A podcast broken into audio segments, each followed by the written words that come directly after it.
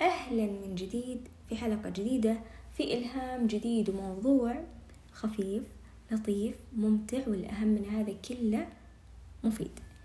اليوم إن شاء الله راح نتكلم عن الهوايات. طبعا الهوايات تقريبا يعني بشكل عام في مجتمعنا تقريبا ينقسم فيها الناس إلى قسمين. تمام؟ قسم عيشها عارفها عارف أهميتها. والقسم الثاني أبدا مو مدركين حجم أهمية الهوايات وإنه لازم تكون عندك أنت هواية تمارسها وتعيشها وحتى يكون عندك أكثر من هواية وتتنقل من وحدة لوحدة لوحدة.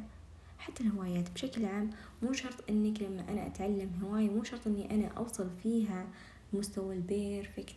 لو وصلت حلو خير وبركة ممكن حتى أستفيد منها. لكن لو ما وصلت ما في أي مشكلة. في النهاية أهم شيء إنك أنت تستمتع. الهوايات من أكثر الأشياء اللي تعتبر لك أنت ملاذ وصحتك النفسية. وبعض الهوايات حتى مفيدة لصحتك الجسدية. لو كنا نتكلم مثلا عن ناس آه، هوايتهم المشي الرياضات وهذه الأشياء. والجانب اللي مميز جدا فيها إنها شيء في النهاية يفرحك يسعدك يمكن حتى تنسجم لدرجة أن تحس أنك رحت العالم ثاني تماما. والأحلى والأجمل في الهوايات بشكل عام أنه شيء أنت تمارسه برغبة منك بعفوية منك أنت تختارها بحرية تختار هوايتك أو هواياتك بحرية تماما إنه ما يكون شيء مفروض عليك وشيء لازم تسويه طيب ليش الهوايات مهمة؟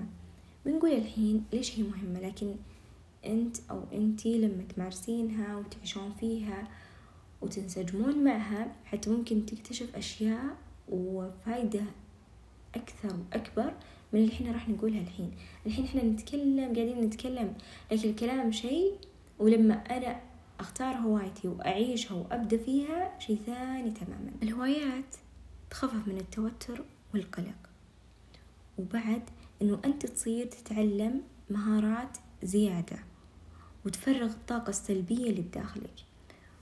والهواية أو وقت الهواية اللي أنت قاعد تقضيه تقضيه بسعادة. بحرية مطلقة. إني أخطي أصحح أتعلم أكتشف أبحث. فأنا قاعدة على راحتك بالضبط. يعني الحرية الحرية اللي يقولون عنها مرة ما في شيء يربطك فيها أبدا. كذلك لما تشارك المهتمين بنفس هوايتك تفيدك بعلاقات جميلة مرة حلوة مرة مجتمع مختلف تماما. هواياتك بالغالب تعكس شخصيتك. بالصحة النفسية تعتبر الهوايات من أساليب التشافي. حرفيا لما نقول كذا. ممكن تكون حتى هوايتك لما أنت تمارسها لما أنت تتقنها مرة. ممكن تكون في يوم من الأيام مصدر دخل لك. الهوايات مختلفة متنوعة أشياء كثيرة مرة. ممكن تكون أدبية مثل القراءة الكتابة التدوين الإلكتروني أو التدوين دفترك الخاص الشعر.